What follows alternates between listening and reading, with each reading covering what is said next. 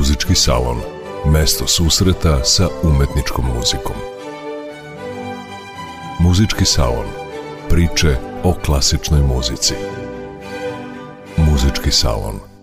Dobroveče, dragi slušalci. Ja sam Jovana Golubović, a u narednih pola sata govorit ću o Claude Debussiju, rodonačelniku impresionizma, o njegovim razmišljanjima o muzici koja su sačuvana kroz različite članke, hronike, kritike i prepisku sa brojnim umetnicima, ne samo muzičarima, već i sa slikarima i književnicima čiji je rad veoma poštovao. Francuski kompozitor, rođen 1862. nedaleko od Pariza, od svoje 39. godine u hronici Bele revije stvara imaginarnog sagovornika gospodina Kroša, odnosno gospodina Osminu, koji predstavlja njegov kritički alter ego pod čijim imenom je progovarao sam kompozitor. Tada je i započeo karijeru kritičara i muzičkog pisca koja je trajala 14 godina, a osim Bele revije pisao je i za časopise Gilles Blas, Francuski Merkur, Muzičku reviju i Internacionalno muzičko društvo. U članku Razgovor sa gospodinom Krošom iz 1901. godine Debussy je prvi put estetički i teorijski razmatrao orkestarsku kompoziciju Prelid za popodne jednog fauna nastalu 1894. godine, kojom je uobličio impresionistički muzički jezik kao pravac u evropskoj umetničkoj muzici. Tim tekstom kompozitor je ukazao na to da je impresionizam kao stil nemoguće dovoljno precizno definisati i da njegov estetički koncept beži. Debussy nije želeo da za sobom ostavi nedvosmislene smernice za njegovo određivanje, upućujući na to da ga zapravo nije ni potrebno istraživati. Ipak u njegovim tekstovima i prepiskama isticao je da je muzika sačinjena od boja i ritmizovanog vremena i to je ono što je muzičkom impresionizmu zajedničko sa istoimenim slikarskim pravcem i simbolističkom poezijom na čijoj osnovi je Debussy i razvijao svoj muzički stil. Tako je i prvo njegovo u potpunosti impresionističko delo nastalo na temelju poeme Popodne jednog fauna Stefana Malarmea. Prva verzija tog Malarmeovog ostvarenja nosila je naslov Monolog fauna, a druga Improvizacija fauna. U Debisijevom prelidu za popodne jednog fauna, inače nastalom gotovo 30 godina nakon prve Malarmeove verzije poeme, solo flauta kao faunova svirala pripoveda njegovu priču kao monolog, dok određeni kompozicioni postupci kao da prizivaju improvizaciju. Prelid za popodne jednog fauna slušamo u izvođenju Berlinske filharmonije kojim je dirigovao Claudio Abado. Solo flautu svira Emanuel Pai.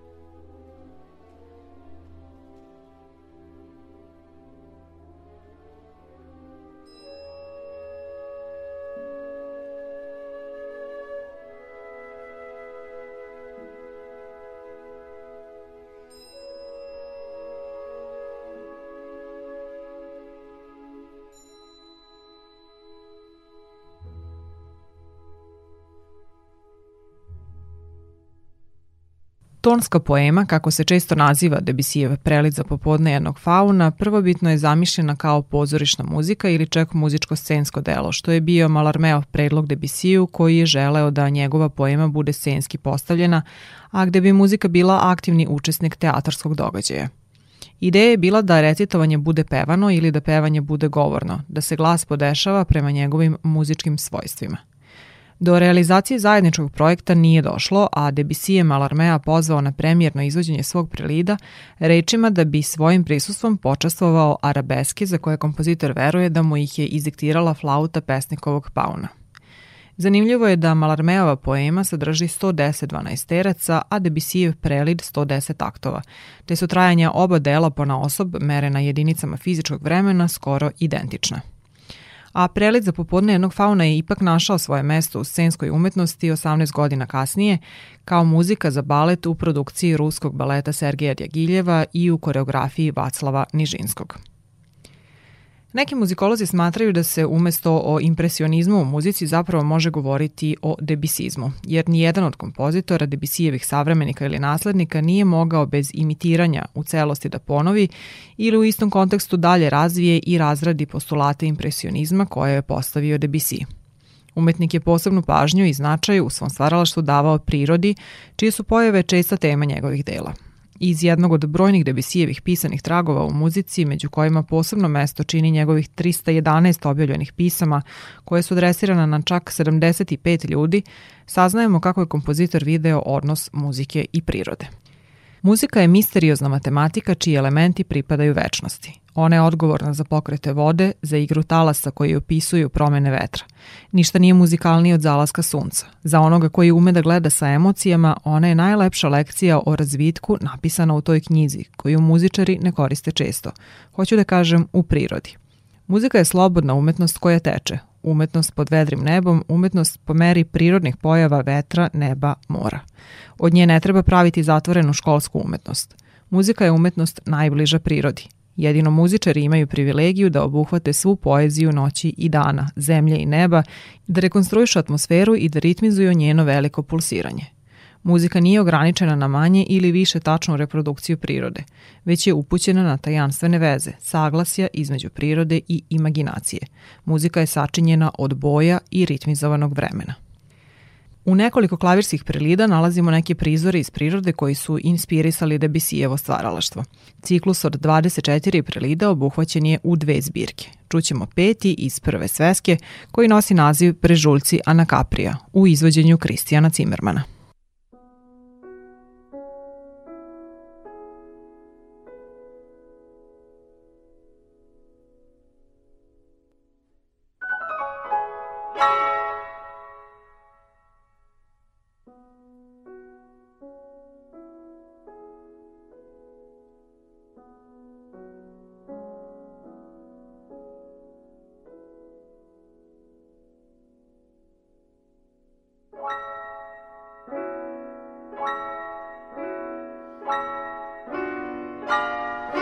Bye.